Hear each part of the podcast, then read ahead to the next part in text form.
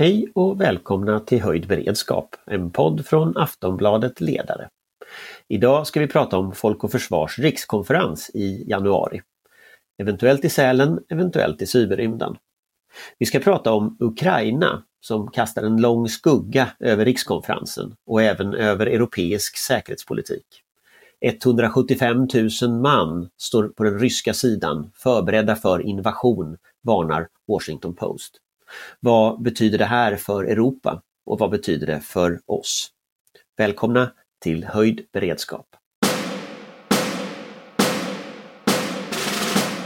Vår beredskap är god.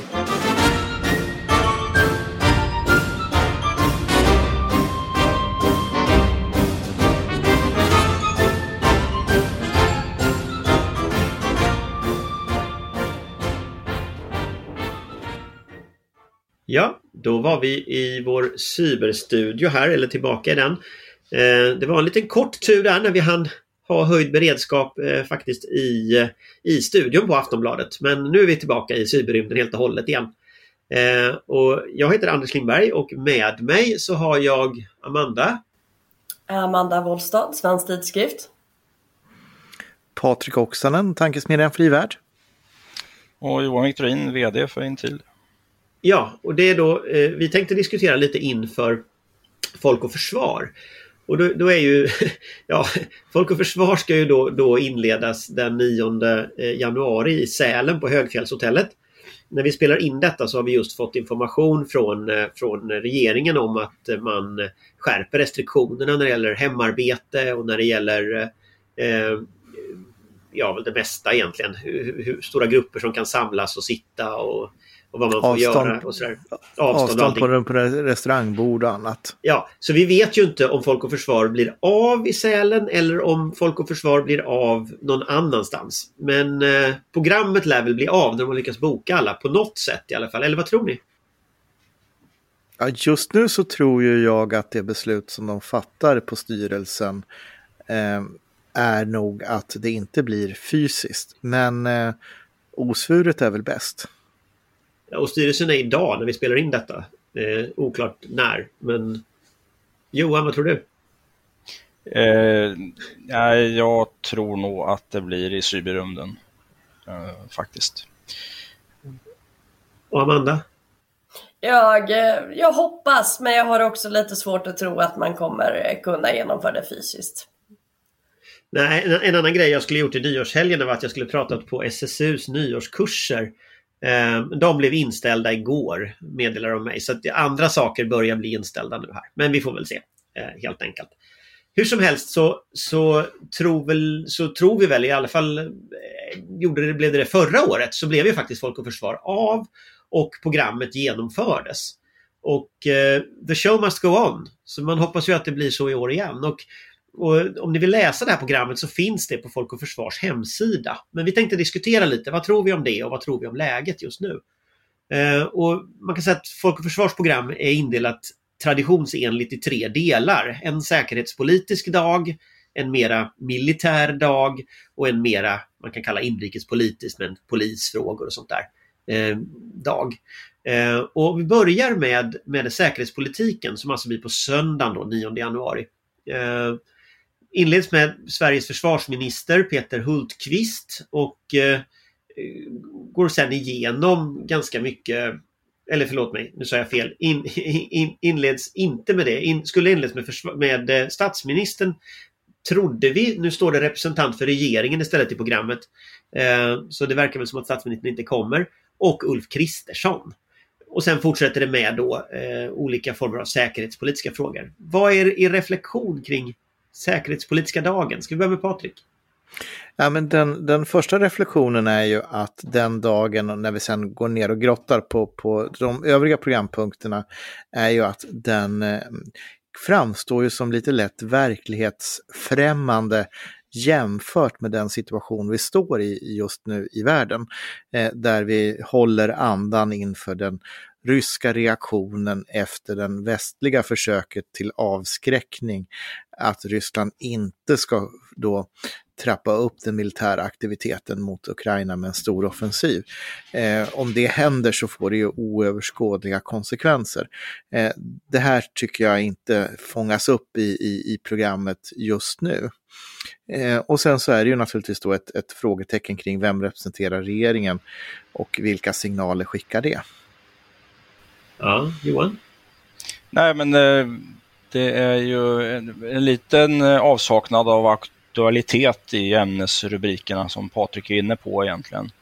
Eh, sen är det ju en väldigt spännande diskussion och vi ser ju redan eh, en konflikt kring detta sedan försvarsministern uttalade sig i DN om att eh, Sverige varken nu eller senare skulle gå med i NATO, vilket är ju en slags ja, förlängning av regeringsförklaringen egentligen.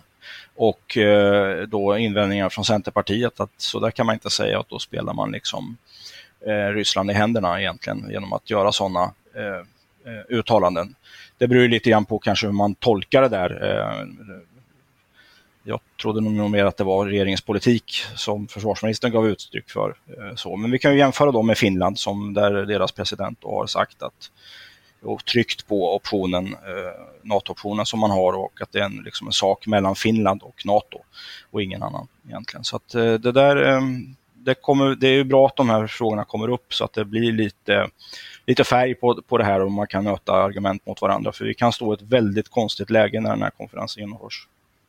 Är det NATO, ja eller nej, som inleder konferensen här med vem det nu är från regeringen och Ulf Kristersson tror du, Amanda?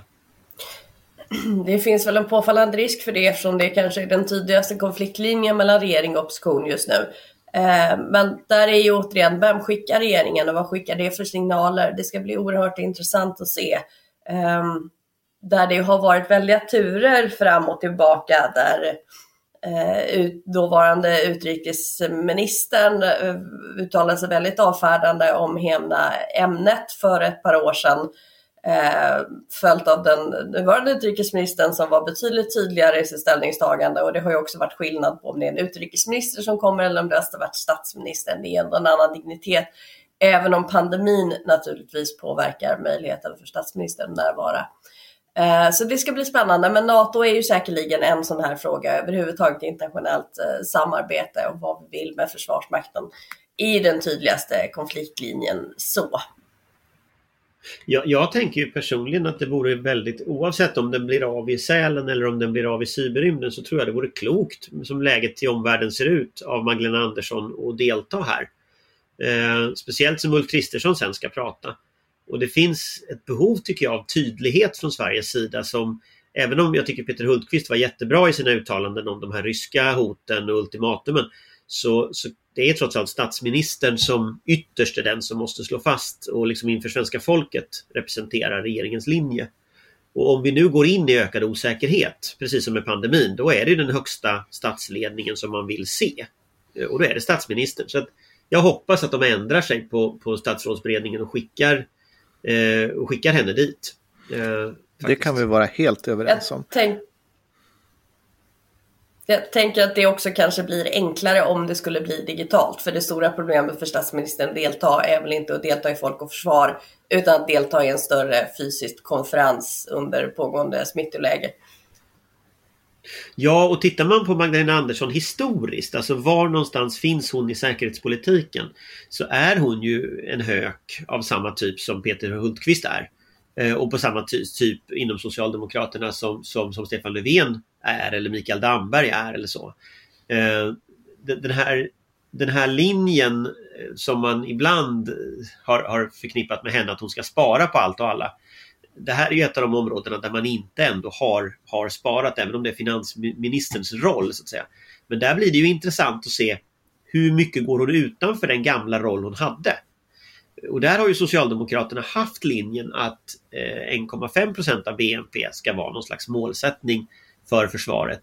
Eh, som läget ändras just nu så det är en allt mer irrelevant ståndpunkt här så att säga. Så där är ju frågan också vad ger hon för signaler om försvarsekonomin och sånt som statsminister nu när hon har bytt hatt. Det är väl lite kul att se Eh, och, och, det, det bygger ju på att hon är där. det, det, det, är ju kopplat till vad som har hänt från det att vi spelar in det här tills dess att den här dagen inleds. Egentligen. För ponera nu då att vi har en, en öppen konflikt, ett, ett krig som pågår i Europa eh, och de konsekvenser som kan följa av detta som är väldigt osäkra. Då handlar det om att peka ut en riktning och då, då borde ju en, en svensk statsminister peka ut 2,5-3 procent som riktning så att folk vet vad man har förväntar sig och vad man är tvungen att göra. Sen var man hamnar sen i slutändan, det är en helt annan fråga. Men riktningen måste slås fast oerhört tydligt eh, om vi då befinner oss i ett ännu sämre läge, för vi befinner oss i ett ganska dåligt läge just nu. Och då är det ju viktigt det som Johan säger, då är det inte längre att säga att vi pratar om 1,6 eller 1,7 eller, eller ens 2,0 som är det gamla NATO-målet från 2014. Eh, 2014 så satte ju NATO då ribban att medlemsländerna bör sträva efter 2% till 2024. Utan det är de nivåerna som Johan anger att vi, vi kommer upp till kalla krigets nivåer. Vi ska komma ihåg att regeringarna Palme och Fälldin, där låg man ju på runt 3% av BNP. Och det var ju efter 40 års upprustning. Men, men jag tänker på den andra personen. Och man tänker att det här är regeringen som vi då inte vet vem det är. Och så den andra personen som inleder det är ju Ulf Kristersson, oppositionsledaren. Vad, mm. vad, vad kan man tänka sig från honom? Där hoppas vi väl kanske på ett större fokus på de lokala frågorna. Kristersson har ju eh, traditionellt inte sen innan han blev partiledare varit så engagerad i försvarsfrågorna och han har ju haft ett väldigt stort Kina-fokus eh, när det gäller eh, försvar och utbyte, vilket i och för sig har varit välkommet för det har varit ett, en dimension som i stor del har saknats i svensk säkerhetspolitik. Men nu har vi ju en ganska brådskande situation i närområdet. Så det man får hoppas på där är väl en skarpare och mer initierad eh, linje och eh, ställningstagande gällande solidaritet med Ukraina. Ja, jag förväntar mig också erbjudande till socialdemokratin om ett, ett partnerskap i, i orostid. Eh, och med det menar jag inte att man ska samregera, men, men att eh, eh att Moderaterna eh, är beredda att vara väldigt konstruktiva i att göra de saker som Sverige behöver åstadkomma och att eh, regeringen eh, då är, är varmt välkommen till, till breda konstruktiva samtal med, med, med eh, oppositionen för att åstadkomma det här snabbt med med en bred förankring. Om nu inte statsministern då hinner före med en sån inbjudan. Eh, Vilket det vore det absolut bästa. Vi, vi, jag tycker att det där är ju, nu kanske inte så mycket, ja det blir ju säkerhetspolitik också, men just relationen mellan Socialdemokraterna och Moderaterna blir viktig här. Eh, och man kan ju se ut, tidigare uttalanden som har varit exempelvis som Mona Salin berättade om hur Carl Bildt väldigt bra orienterade Eh, socialdemokratiska partiledningen om utrikespolitiken. Vi har hur då Löfven och Kristersson avslöjade under riksdagsdebatten här när Löfven skulle sluta att de minsann hade tu man hade, det var kanske ingen överraskning, men att de pratade om det och de verkar ha en väldigt bra relation i just de här frågorna. Så att det är bara att hoppas att de kan fortsätta den linjen när, när läget så kräver. Så ser ju den svenska traditionen ut. Eh, att man håller ihop i kriser och risken är väl just nu eh, som vi har sagt flera gånger här att, att vi, vi vet inte hur allvarligt läget är när 9 januari väl kommer.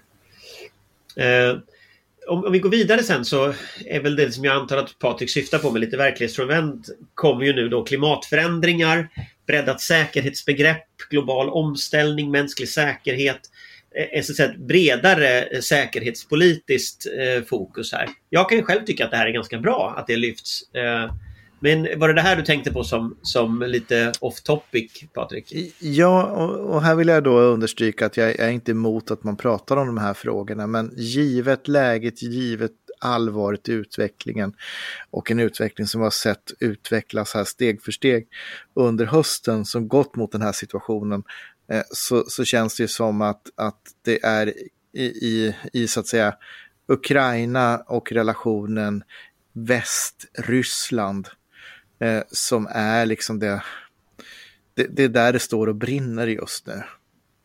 Eh, och då skulle jag helst ha sett ett, ett uppföljande block på det. Och det här blocket, det saknas i programmet ett sammanhållet tydligt block kring de här frågorna, utan det kommer in mer indirekt eh, och, och antagligen så kommer det kanske ha hänt någonting till 9 januari så det gör ändå att ämnet kommer att dominera det därför att alla måste förhålla sig till det. Men, men jag skulle gärna ha sett att det hade flyttat in här och det här blocket vi nu pratar om hade flyttat ett snäpp längre ner i, i, i programmet. För då hade det känts som en, en, en mer eh, verklighetsnära start på Folk och Försvars rikskonferens. Eh, för det, som du säger så, klimatförändringarna de kommer, de kommer att påverka säkerheten, viktigt att prata om. Eh, OSSE och OSSEs framtid, har OSSE någon framtid överhuvudtaget? Eh, kan man fråga sig med den situation vi nu ser där Ryssland öppet eh, egentligen säger att man struntar i OSSE. Eh, så att det här är ju inte oviktiga eh, frågeställningar att prata om. Men, men kontexten och ingången eh, blir inte helt optimal. För sen går man ju in vidare här med, med just eh, investeringar, handelsflöden, energiomställning. Alltså det, det, det är eh, rätt många olika sådana ämnen, lite så här spritt och givet här. Men eh, om man tittar sen så kommer man då till säkerhetspolitiska vägval.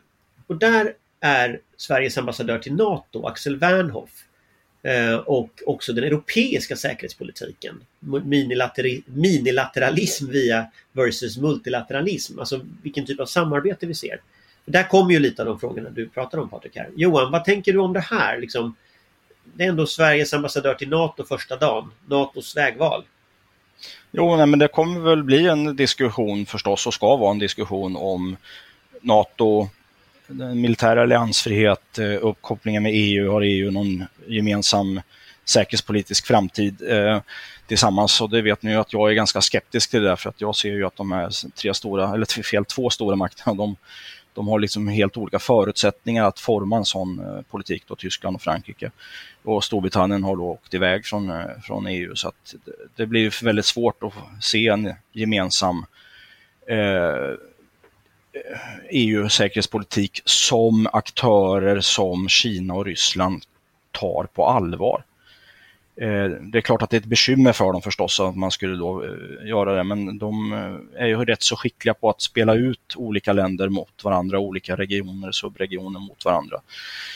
Så att det finns mycket att, tänka på där och vi vet heller faktiskt inte då vilken status NATO har den 9 januari kan, jag törs inte säga det i alla fall. Nej men om man tar lite, om man tar lite den frågan, för den är ju väldigt intressant nu. att När vi spelar in detta så är det någon veckas, vad var det, fredags, halv vecka sedan, som, som eh, Ryssland gick ut med det här ultimatumet till väst. Mm. Och ultimatumet innehåller ju flera saker. Dels mm. har man ju då enligt Washington Post samlat 175 000 man vid gränsen nu i januari.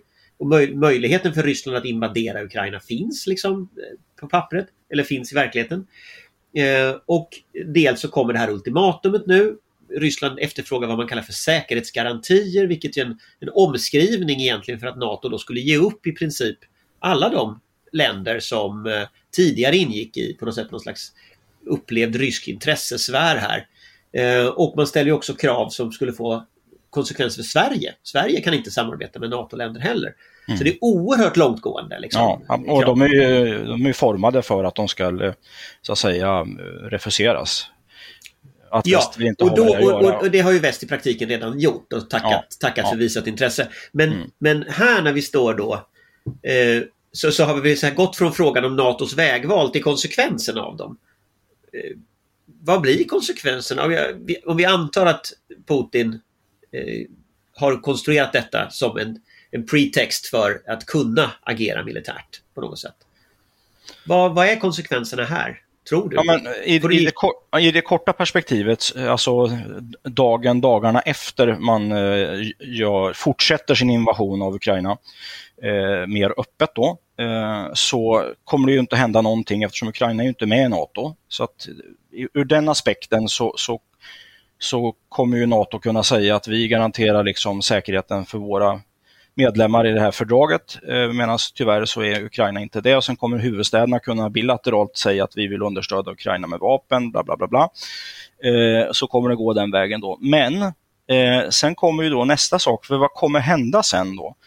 Och då vet ni att jag har varit inne på det här med de här sanktionerna där vi då ser det här som ett alternativ till krig. Ryssarna har lärt sig leva med sanktionerna men ser det också som ett preludium till krig. Så att då blir ju liksom nästa sak som kommer hända är att de olika länderna kommer att införa sanktioner mot Ryssland. Och vad gör Ryssland då? Och det är det som för mig är det stora frågetecknet. Gör då de en väldigt begränsad militär aktion någon annanstans? Eh, väldigt aggressivt men väldigt, väldigt liten i form av typ ett intrång eller kontroll nu pratar du om Polen eller Estland eller? Ja, över mest. Jag har ju skrivit en bok som heter Korridoren till Kaliningrad, så det är väl det området jag är mest eh, liksom. Men det kan ju finnas andra områden långt upp i Arktis. Det kan finnas... Ja, men jag eh, tänkte som till exempel Ja, när de var inne och kidnappade folk i, i Estland tidigare. Alltså, du tänker den typen av saker? Eller tänker Ja, du liksom att du- militär Ja, att du börjar exempelvis eskortera dina tågtransporter till Kaliningrad. Eh, träder in helt enkelt på Litauens territorium med lätt beväpnad trupp med eskort på tåget som går till och från, som finns där. Vad, vad, vad kommer hända då? Ja, vad tänker ni andra om detta? För det här kommer ju lite toucha på de frågorna där vi inte har en susning. Men, men där något kommer att hända. Nej, men det är ju den riskmiljö vi är i och den är en oerhört farlig riskmiljö. Eh, och eh, det är ju vådligt att spekulera i exakt vad som kommer att hända. Eh, Putin har ju och Ryssland gillar ju så konceptuellt sett att jobba med överraskning, maskerovka och så vidare. Eh, så att eh, vad vi än spekulerar i så, så lär det väl bli någonting annat. Men, men just att ha den mentala beredskapen att allting kan hända nu. Eh, det kan dyka upp eh, skolfartyg med ryska kadetter i, i Mariehamn som säger att man är i sjönöd och behöver lägga till. Det kan eh, vara saker som händer på Svalbard, det kan hända bli flyktingar mot finska gränsen, det kan vara, ja, alltså vad som helst eh, i, i denna situation. Och eh, eh, det är ju som så att eh, den här utvecklingen kan ju gå väldigt snabbt och det, vi ser ju också hur, hur också redan nu att det finns olika uppfattningar i NATO-familjen. Bulgarien gick ju ut och sa att man gärna inte såg stationering av, av mer NATO-trupp i Rysslands närområde. Det är ju en, en, en sån här splittringssignal till exempel. Amanda? Ja, NATO i en mening, det här är problemet när man försöker samla liksom, demokratier i, i en enskild organisation. Det kommer ju alltid finnas splittringar. Frågan är hur man agerar när det verkligen smäller. Eh, och där har vi väl ändå fortfarande visst hopp, tycker jag. Eh, nej men det, alltså det är ju, som Patrik säger, det, det enda vi vet är att vi inte vet vad som kommer att ske. Ehm, men det är ju oerhört spänt läge och, och någonstans i mitten av allt det här så är ju faktiskt ett land som har försvarat sig själva och i en mening försvarat, försvarat Europa eh, utan någon som helst uppskattning för det egentligen under flera år. Eh, och vi får inte glömma det fokuset heller, för ja, det är ett hot, eh, bredare hot och ja, det kommer säkert ske någonting annat. Men kontentan är ju ändå att eh, Ukraina står under existentiellt hot. Eh, och vad innebär det för, för dem, för närområdet, för eh, Sverige som någon slags soldatrisk internationell makt? Eh, vad, hur vi agerar i den frågan är ju eh, en större fråga än rent säkerhetspolitiskt i ärlighetens namn. Vilka, vilka nationer är vi? Hur vill vi att någon ska agera om vi står, en dag står under samma hot? Ja, det är ju ren självbevarelsedrift, alltså att göra, verkligen ta sig samman då och peka ut den här riktningen som jag pratade om tidigare.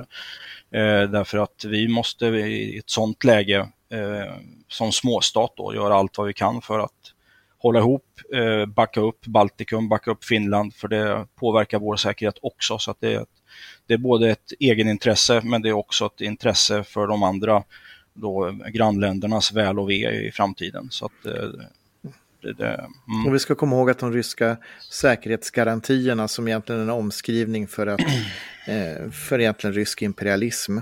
Eh, de, de är ju på, direkt på vår bekostnad. Just genom att de säger att vi får inte öva då med, med andra länder eh, på svenskt territorium. Eh, vi, vi, om de här sakerna skulle gå igenom så, så förlorar vi vår suveränitet. Och det här ligger ju i det ryska tänkandet, att det finns ett fåtal länder i världen som är suveräna, det är stormakterna, resten har inte full suveränitet utan har att förhålla sig till stormakter i olika intressesfärer. Så att Rysslands synsätt är att Ukraina inte är en riktig stat och att de baltiska staterna, Finland och Sverige inte är fullt suveräna utan har att anpassa sig. Men det här leder oss ju in till dag nummer två som är den militära dagen. Eh, eller den försvarspolitiska dagen. Vi börjar med Amanda här. Den, dagen inleds med Peter Hultqvist eh, eh och, och eh, sen även då omvärldsläget. Och det, då har de plockat fram eh, tre bevakningsansvariga myndigheter. MUST, Säpo och FRA. Som ju eh, här sitter med liksom en omvärldsbild. Va, vad tänker du om detta Amanda? Vad är det vi får höra från Peter Hultqvist och, och cheferna här? Ja, det är ju oerhört intressant egentligen, huvudsakligen kommenteringspunkten. Hultqvist är alltid bra i de här sammanhangen. Han säger rätt saker, han säger vad publiken vill höra. Eh, problemet med den socialdemokratiska försvarspolitiken, det är de ju inte ensamma om. Det är ju inte att de inte säger rätt saker utan att det sen inte händer så mycket. Eh, och det är ju inte bara hans fel. Eh, han har ju en regering här ska jag övertyga också, men, men det blir på något sätt ehm, det kommer säkert vara ett bra tal. Frågan är vad, som, vad det kommer leda till. Däremot är det otroligt intressant att man väljer att lyfta in eh, underrättelsetjänsterna på det här sättet, i det stadiet och på den punkten i programmet.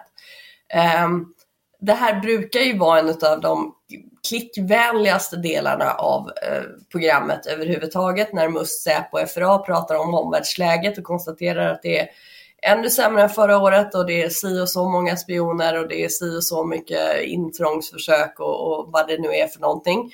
Och alla blir alltid lika chockerade och det blir jätterubriker om detta i några dagar tills någonting händer och alla glömmer bort det och sen har vi samma grej nästa år. Men nu när man har samlat dem och de får ge en samlad bild och speciellt i det här läget så hoppas jag att det ska få en eh, Eh, ge en, en, mer sammansatt bild av hur hotet mot Sverige faktiskt ser ut och hur akut det är. Eh, det är oerhört kompetenta människor alla tre och de företräder oerhört kompetenta myndigheter som ibland har lite svårt att kommunicera på grund av naturen i deras verksamhet, men eh, som samtidigt är essentiell för att ge eh, både makthavare och den bredare allmänheten bilden av hur läget faktiskt ser ut. Eh, så jag är mycket glad att de, de samlade de här tre tillsammans och att de la dem så pass tidigt i programmet, gav dem den vikten. Men det här är ju också en tradition av att om man tänker om man går tillbaka tio år, man har ju ändå varit lite mer outspoken eh, och tydlig. Eh, kanske inte så tydlig som jag hade en glad kvällstidningsjournalist önskar, men lika fullt, man är tydlig med att peka ut eh, Ryssland till exempel tydligt och, och, och sådär. Alltså hur långt borde de gå om man tittar på den konflikten som vi nu ser utvecklas i Europa? För information är ju också ett sätt att, för oss att, att eh, ja, både vara tydliga men sen också liksom, eh, påverka opinionen eh, runt om i Europa. Jag har svårt att se hur Säkerhetspolisen egentligen ska kunna vara tydligare än vad Claes Friberg, förra säkerhetspolischefen, var i våras i samband med årsbokspresentationen. Eh, och jag brukar ibland klaga på Säkerhetspolisen att de pratar säpokratiska. Eh, men, men, men eh, så tydligt som Claes Friberg då var eh, när han säger att ansträngningarna och viljan att hålla Sverige säkert är inte tillräckliga.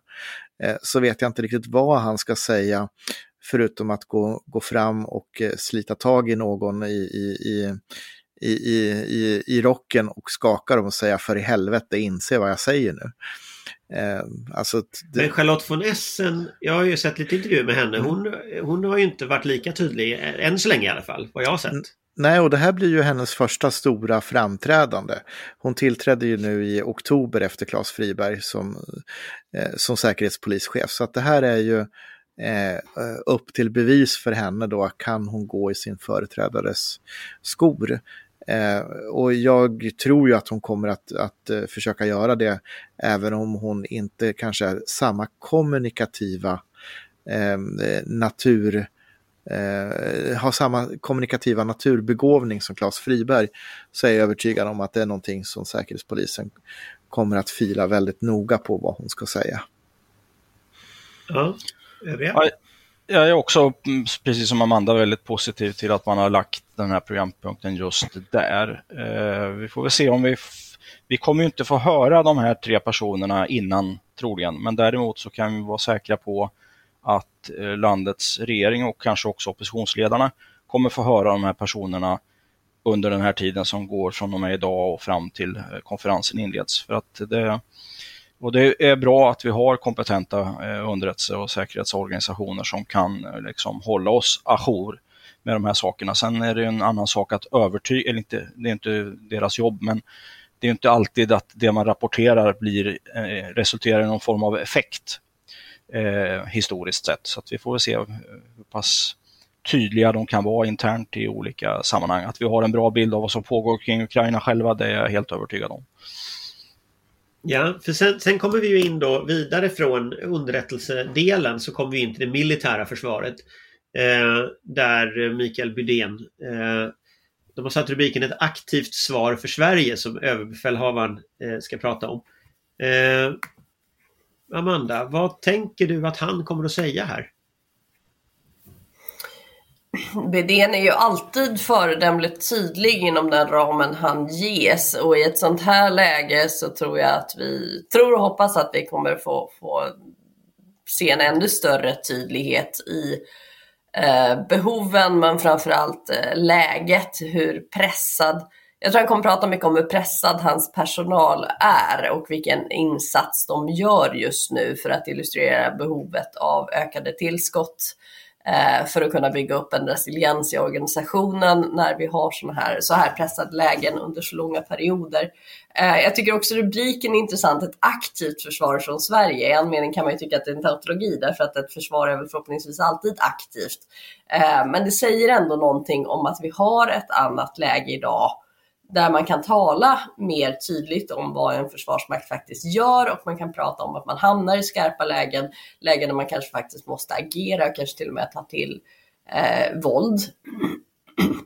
Och hur det fungerar om man har den, den kapaciteten har man ju naturligtvis, men hur länge har man den här kapaciteten och hur brett har man den här kapaciteten? Och framförallt återigen stor fokus på personalfrågorna tror jag, där man ju fortfarande läcker personal i väldigt stor utsträckning, eh, officerare och soldater som inte stannar kvar inom firman, eh, vilket naturligtvis förvärras ytterligare då över arbetsbelastningen på de som är kvar. Eh, hur det blir allt svårare för många att kombinera familjeliv med en karriär i Försvarsmakten eh, till exempel, när man ständigt måste ligga i en högre beredskap, täcka upp för försvunna kollegor eh, och eh, hur det påverkar eh, Försvarsmakten långsiktigt. Jag tror att vi är framme vid den, den knäckfrågan nu. Jag tänker att vi hade ju i podden här eh, besök av, av Eva Skog Hasslum, eh, marinchefen för ett par avsnitt sen, typ två, tre avsnitt sen, någonting. Ja, två avsnitt sen. Eh, och hon var ju väldigt tydlig med att den, de resurser som marinen har i dagsläget, inte, det räcker inte. Eh, över tid så funkar inte detta. Tror du ÖB kommer att hanterar på något sätt den frågan. För det här är ju ändå en fråga om balansen inom, också inom Försvarsmakten. Mellan olika försvars, eh, mellan armén och marinen och liksom över tid nu framåt. Vad kommer han att säga? Hon var ju ganska tydlig med att det här liksom... Problemet är Problemet är väl att det finns ju ingen annanstans att ta dem. Eh, flyget har ju ungefär samma problem som marinen. Men en ständig nivå, ursäkta jag är lite förkyld nu, jag är väl isolerad. som, som alla vi är. Eh, ja, precis. Eh, flyget har ju sina egna produktionskrav som också skärps i, i nuvarande omvärldsläge. Eh, de har ingen personal att ta av utan har ju precis samma problem som marinen. Eh, armén har väl kanske inte riktigt lika direkta problem eh, med beredskapen, även om de naturligtvis också har en hel del sådana funktioner. Däremot så har ju de en ny stor våg av värnpliktiga och utbildningar som ska tas om hand och har personalbrist i den änden. Så det finns ju ingenstans att ta folk ifrån. Det jag tror och hoppas att ÖB kommer göra är ju snarare att samla de här kraven eh, och göra det till en försvarsmaktsbred fråga att vi kan, eh, Försvarsmakten kan inte med de resurser man idag har både möta utbildningsmålet, eh, sköta den höjda beredskap som behövs, eh, anskaffning, utbildning, inte så som man idag läcker folk. Eh, för det är ju den stora knäckfrågan. Det är ju en sak att rekrytera nya eh, tänk värnpliktiga, fylla platserna på officersutbildningen och det är ju naturligtvis jätteviktigt. Men man snyter inte en duglig officer ur näsan. Det ska till ett antal års utbildning och erfarenhet. Eh, så det absolut viktigaste är att få folk att stanna kvar i firman. Eh, och det må låta som en, en generell personalfråga, men, men, det är en direkt beredskapsfråga. Har vi inte personal så kan vi inte bemanna våra fartyg, eh, våra övervakningsstationer och våra flyg. Så enkelt är det. Och i slutändan måste det till mer pengar. Eh, därför att det behövs eh, finansiering för att eh, då täppa igen de här personalluckorna, kunna rekrytera och behålla, höja lönerna. vi har ju varit inne på det tidigare, men att civila myndigheter kan konkurrera ut Försvarsmakten lönemässigt och det är ju inget hållbar situation i, i det här läget. och sedan naturligtvis då ha pengar för att kunna rekrytera tillbaka folk till Försvarsmakten. Eh, det sitter ju en, en, en gammal överstelöjtnant i den här podden till exempel. Men, men eh, vi kommer in till det. Det är ju så... precis. Johan sitter och skrattar här lite ja, för, för sig men själv. Just den här punkten ska ju dessutom eh, eh Johan kommentera här. Om, om, du, utan att säga liksom för vad du tänker säga på själva Folk och Försvar. Men, men, men vad kommer du att titta efter när det gäller liksom ÖBs anförande? Han ska ju också flankeras av Johan Svensson som är produktionschef på Försvarsmakten. Så jag antar att det blir produktionsfrågor. Det låter ju i farans riktning här. Men vad kommer du titta efter? Nej, men det är ju det huvudbudskapet jag förväntar mig naturligtvis då, tillväxtbiten. Och Amanda och Patrik pekar ju på Eh, knäckfrågan här för att jag kan ju önska mig att Magdalena Andersson ska peka ut 2,5-3 procent. Eh, då måste man ha den här strukturen klar för sig och då är det så att man kanske kan rekrytera tillbaka saker och ting. Jag garanterar dig Patrik att om det skulle smälla till här då kommer jag anmäla mig någonstans. Eh, för tjänstgöring förstås. Eh, vad heter det, men eh, det är personalfrågan är, är det som, eh, som ÖB måste behandla. Eh, därför att det finns en förväntan att få besked om detta. Det, det, tror jag att det blir den svåraste utmaningen för honom att hantera, precis som Amanda lyfte här. Eh, men han måste göra det. Eh, och då kan man ju tänka sig att ett aktivt försvar kräver en aktiv ÖB och det har vi ju sett prov på innan med det som kallas bydenare. Det vill säga att man, man, man gör det man kan med det man har eh, och är inte så fokuserad på alla problem utan man ser till att man, man måste naturligtvis diskutera problemen men sen är det dags att gå till handling och då gör man de sakerna och det tror jag nog att ÖB får titta sig om efter sådana lösningar, bedönare inom personalpolitiken, eh, personalförsörjningen så att man kommer till rätta med att samtidigt, och det här ligger ju utmaningen, att ha en adekvat beredskap i det korta perspektivet som förbrukar väldigt mycket resurser och samtidigt växa till då i den riktning som regeringen la fast, eller riksdagen har lagt fast tidigare och som kanske måste ha en ännu brantare vinkel i fortsättningen. Men, men, men nu tänker jag på att, att eh, ja, för jag studsar lite på rubriken. Ett aktivt försvar. Varför mm. tror du han har satt ordet aktivt? Jag menar ett försvar ska ju försvaras när det blir krig.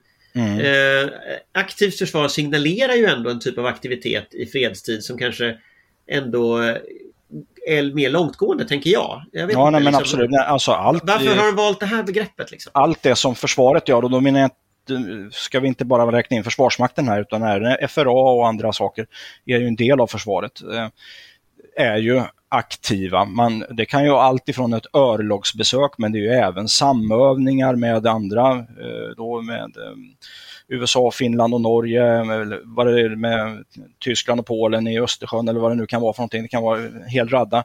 Men det kan ju också vara alltså, en ökad eh, spaningsverksamhet så att säga från svensk sida. Intensifierat signalspaningsflyg etc. etc. Vi ska ju inte heller glömma bort att vi hade en en ganska kraftig strategisk kommunikation här eh, när det gäller Sverige och USA med eh, eh, då luftlandsättning på Gotland med amerikanska specialförband och med raketartilleri som dessutom då flög upp till Vidsel sen och sköt skarpt. Det är också en del i ett aktivt försvar att visa att vi har en förmåga och vi samarbetar med andra och så att säga minska friktionerna i den typen av samarbete. Vi förbereder oss, vi diskuterar olika saker, även om det finns några olika krigsplaneringar så har man ju ändå ett utbyte på professionell nivå kring att det här är våra utmaningar i stort och sådana saker. Amanda?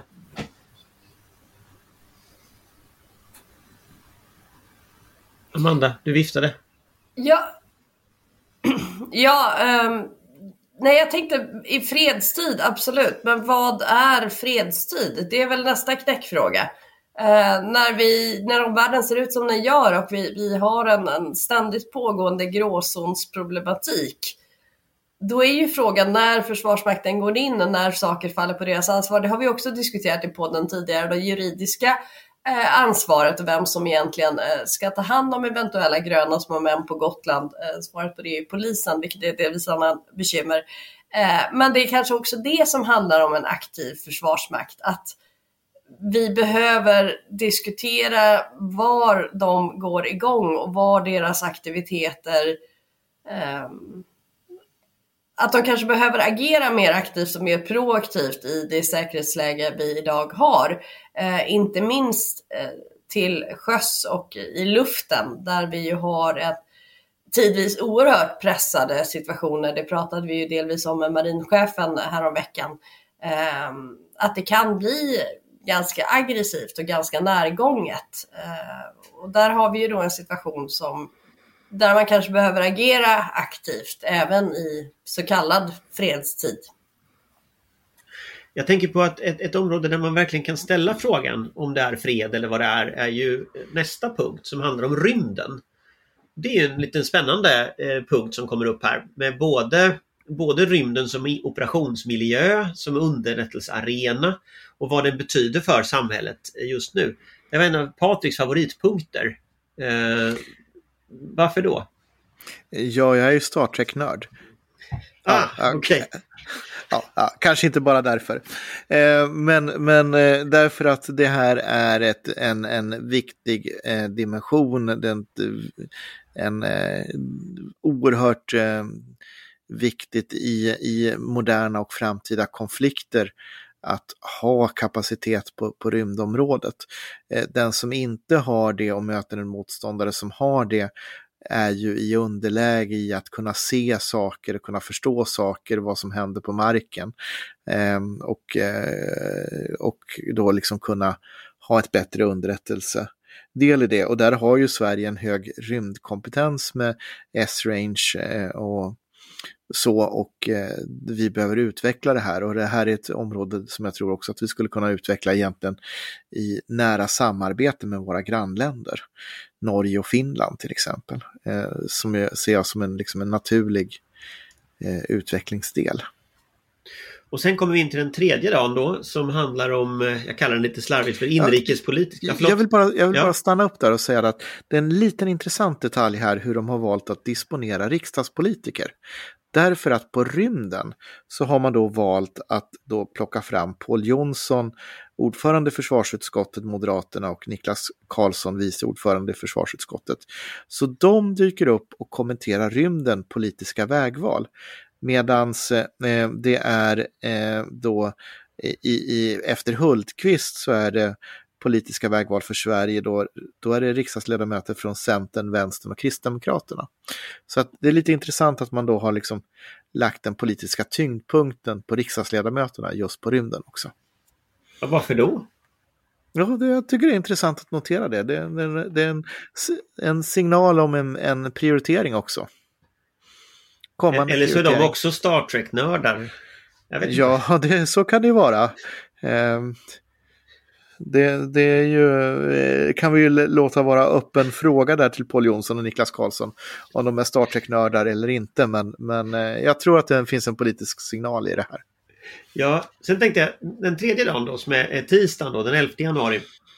Den här, jag, kallar det lite slarvigt för inrikespolitik. Vi hinner ju inte diskutera alla olika områden nu men, men där finns det ett par områden som ju är intressanta. Dels är det ju eh, Morgan Johansson som inleder och Anders Thornberg, rikspolischefen, som inleder om kriminaliteten.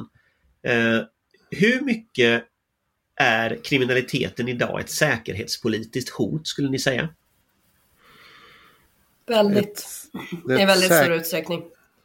Det är ett säkerhetshot, men jag skulle inte kalla det för ett säkerhetspolitiskt hot. Men det tyckte Amanda. Varför då? Varför ett säkerhetspolitiskt hot? Nej, det är ju en definition. Patrik har ju en poäng i det naturligtvis. Men det är ju... Vi har ju idag en nivå av grov kriminell verksamhet eh, med resultat som är närmast samhällsstörande.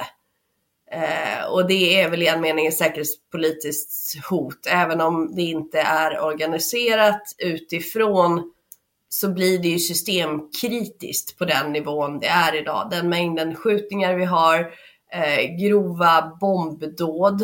Eh, vi har ju också, som väl knappt har börjat rapporteras om, men vilket inflytande många av de här grupperingarna via våld och hot och så vidare har på eh, stora företag, stora bostadsrättsföreningar som kapas. Ehm, totalt sett så skapar det ju en miljö och en misstro, inte bara mot eh, statens våldsmonopol och eh, de egna medborgarnas trygghet, utan också tilliten till det ekonomiska systemet, grundläggande äganderätt, sparande, investeringar, eh, som kan få oerhörda konsekvenser om den rädslan eh, sprider sig. Eh, så jag skulle nog inte underskatta de långtgående konsekvenserna utanför det rent kriminella. Vi har ju också stora eh, härvor där man lurar staten på stora pengar, utpressningsverksamhet både digitalt och, och eh, manuellt. Eh, vi vet ju att man går på kommuner och så vidare, till exempel hur det är med stora företag som inte har någon rapporteringstvång. Ehm, vi befinner oss i en nivå där, där jag tror att eh, förtroendet för samhället eh, riskerar att utholkas och det i sig har ju enorma säkerhetspolitiska konsekvenser och förmås utnyttjas eh, av krafter större än gängen själva. Nej, men jag håller med om, om det som, som Amanda säger. Eh, men jag skulle börja med att kalla det ett säkerhetshot eh, som eh, då också då naturligtvis bidrar till att, att försvaga tilliten i samhället och därigenom eh, bli någonting som främmande makt kan utnyttja i ett säkerhetspolitiskt hot. Men, men i grunden skulle jag kalla det för ett säkerhetshot. Ja, det är ett hot mot Sveriges inre säkerhet, eh, så som det är definierat. Eh, det är framförallt välfärdsbrottsligheten skulle jag säga som eh, genererar otroligt stora inkomster, vilket sen i sin tur befordrar korruption. Och till slut kan vi sitta med att det är någon som konstruerar ja, hemliga anläggningar som kontrolleras av någon annan egentligen. För att ta, liksom, dra ut det här till sin spets. Det är den ena biten. Sen kan man också fundera på Eh, det är ju aktuellt idag har det ju annonserats eh, kring arbetskraftsinvandringen och eh, den slappa kontroll som har varit där och hur oseriösa arbetsgivare har använt sig av denna. I ett läge som vi befinner oss i här så kan man ju då börja fundera på ehm, vad, vad gör man med människor som inte kan uppvisa identitetshandlingar? Ska man sätta dem då i förvar? Vi vet ju inte vilka de här personerna är egentligen kopplat nu till det säkerhetspolitiska läget eh, tills dess att man har dem identifierade. Det finns eh, en del att fundera på här. Jag säger inte att man ska göra det, men man bör nog liksom höja garden lite grann på att det kommer komma in andra människor här som, som kanske har helt andra uppsåt än att jobba i en pizzeria. För, för sen kommer vi in på, det här, det här är ju gränsland mot väldigt många andra saker tänker jag. Eh, Mm. Och senare så handlar ju mycket det här, tisdagen handlar ju om civil beredskap. Och där är det ju mycket pandemin tror jag man, man, man har i bakhuvudet. Vi, vi ser eh, Charlotte Petri Gornitska som är ny eh, generaldirektör, ny, ja, hon är nu är hon ganska ny, generaldirektör för Myndigheten för samhällsskydd och beredskap efter att eh, den förra generaldirektören åkte till Kanarieöarna och sen inte är det längre. Eh, och hon har ju då eh, hon ska ju då liksom för MSBs räkning eh, prata här. Och MSB har ju blivit rätt ifrågasatta under pandemin. Liksom, vad gör de på de där presskonferenserna egentligen? Mer än säger att gå in och läs på, på krisberedskap.se. Eh, men samtidigt så har de ju spelat en helt avgörande roll. Och, och, det där tycker jag är lite fascinerande hur bilden av en myndighet påverkas. För hade inte MSB genomfört övningar runt om i landet och samlat myndighetsföreträdare från andra myndigheter så hade ju beredskapen varit mycket sämre. Och samtidigt har ju MSB också drivit på för, Eh, och det gjorde ju inte minst Dan Eliasson, drev på för ökade resurser till det civila försvaret.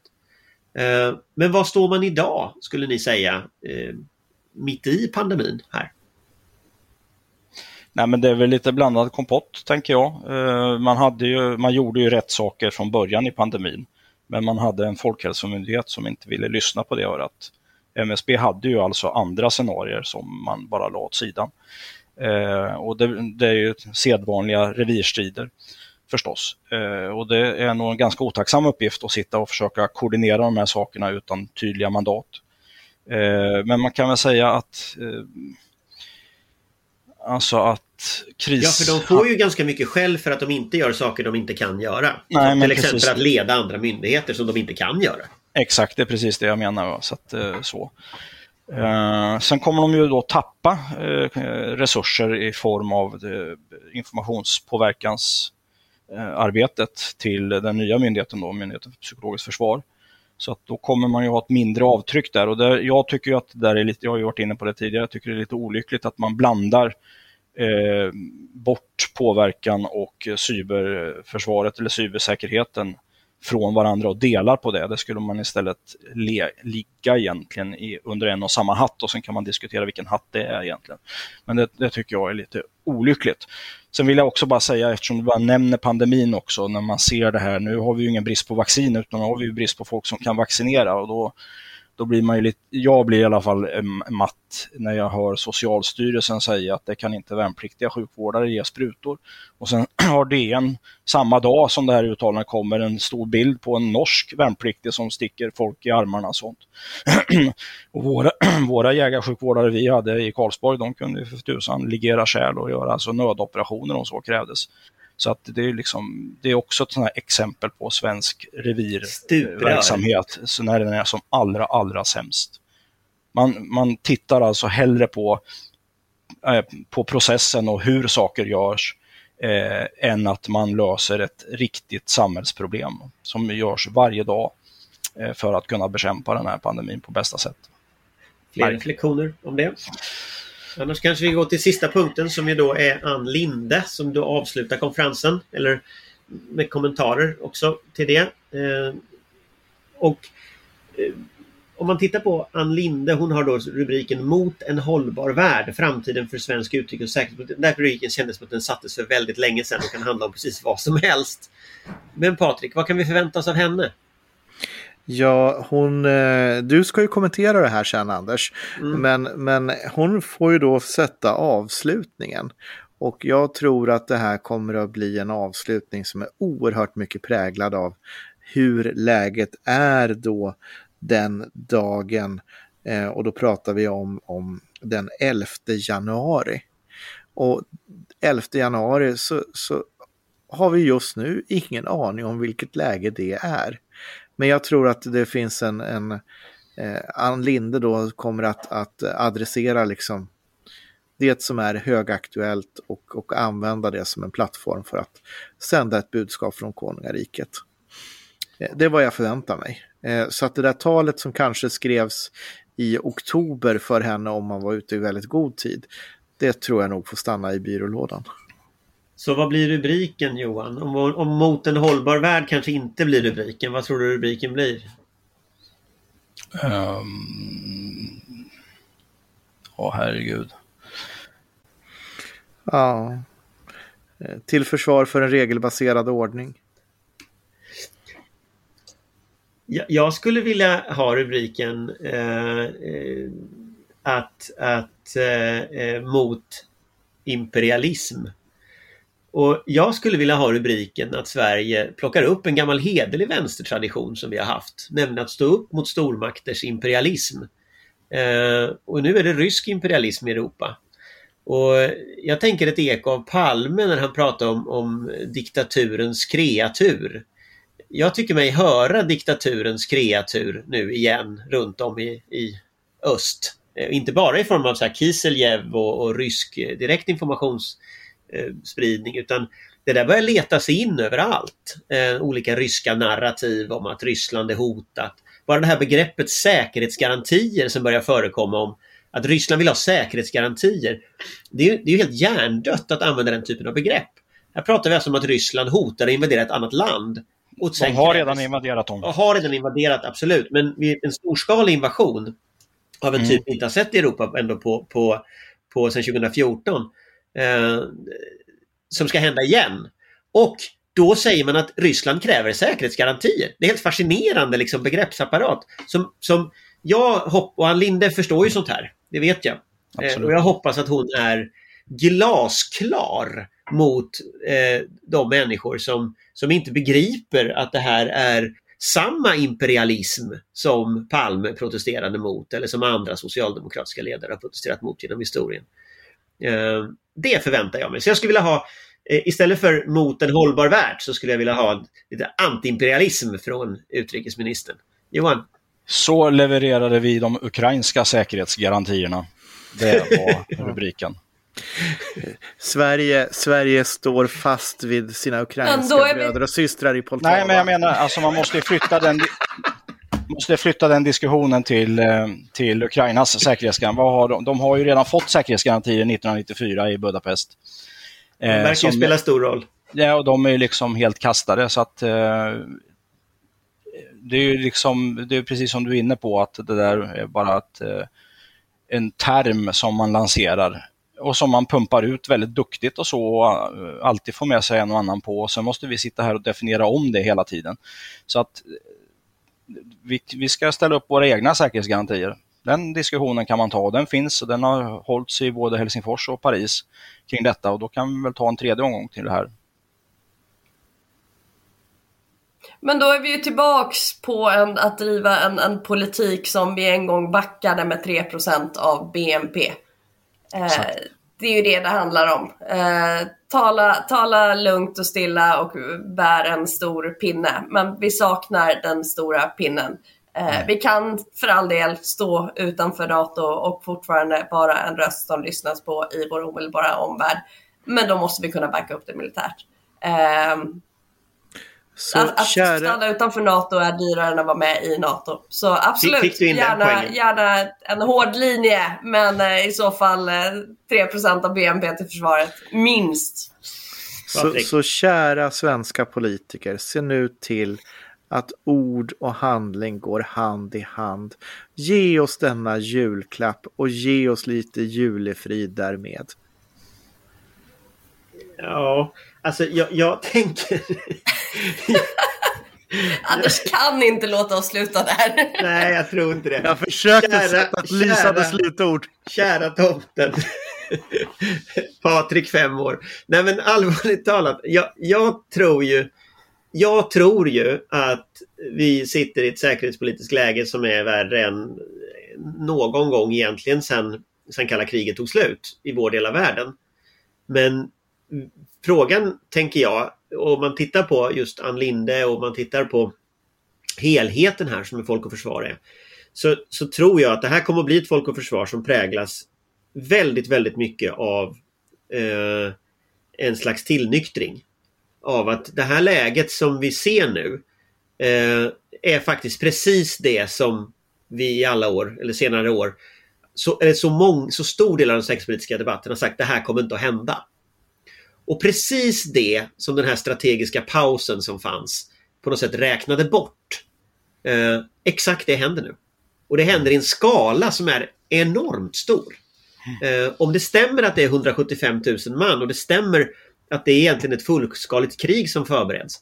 Eh, då sitter vi i en situation som faktiskt är precis vad man inte räknade med. Eh, och det måste få konsekvenser för liksom, hur man tänker också mm. om osäkerheter. Och där tänker jag i alla fall, det är liksom min, mitt stora takeaway från liksom hela det här läget att det här har liksom pågått på något sätt under hela 2021.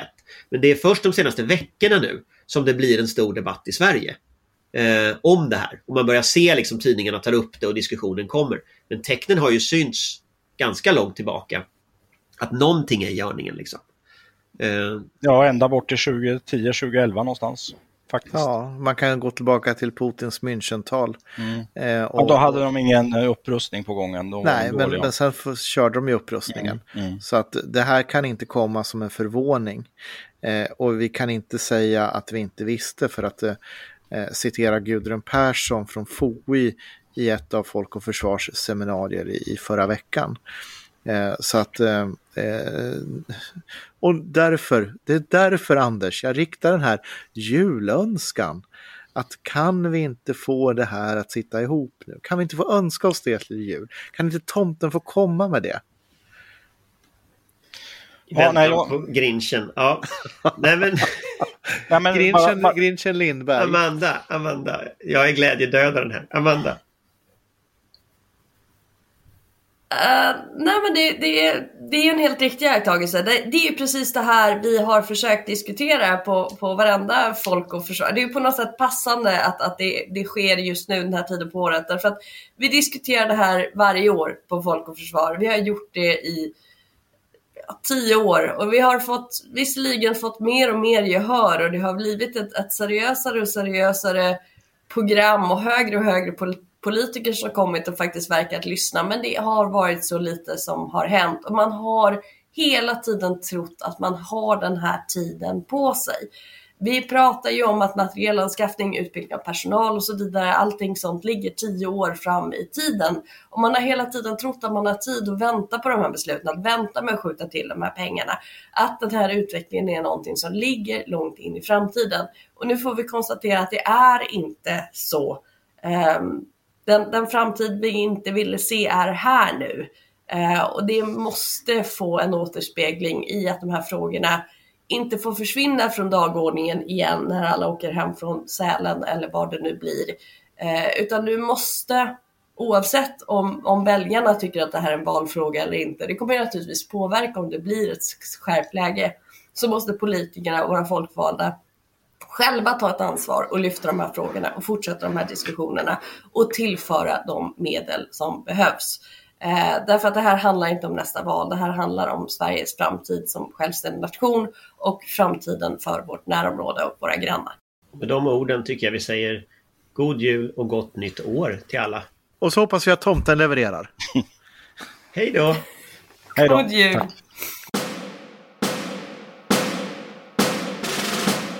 Vår beredskap är god.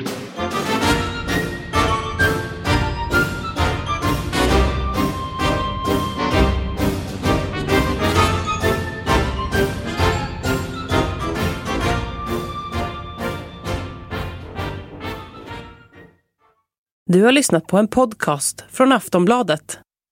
Ansvarig utgivare är Lena K Samuelsson.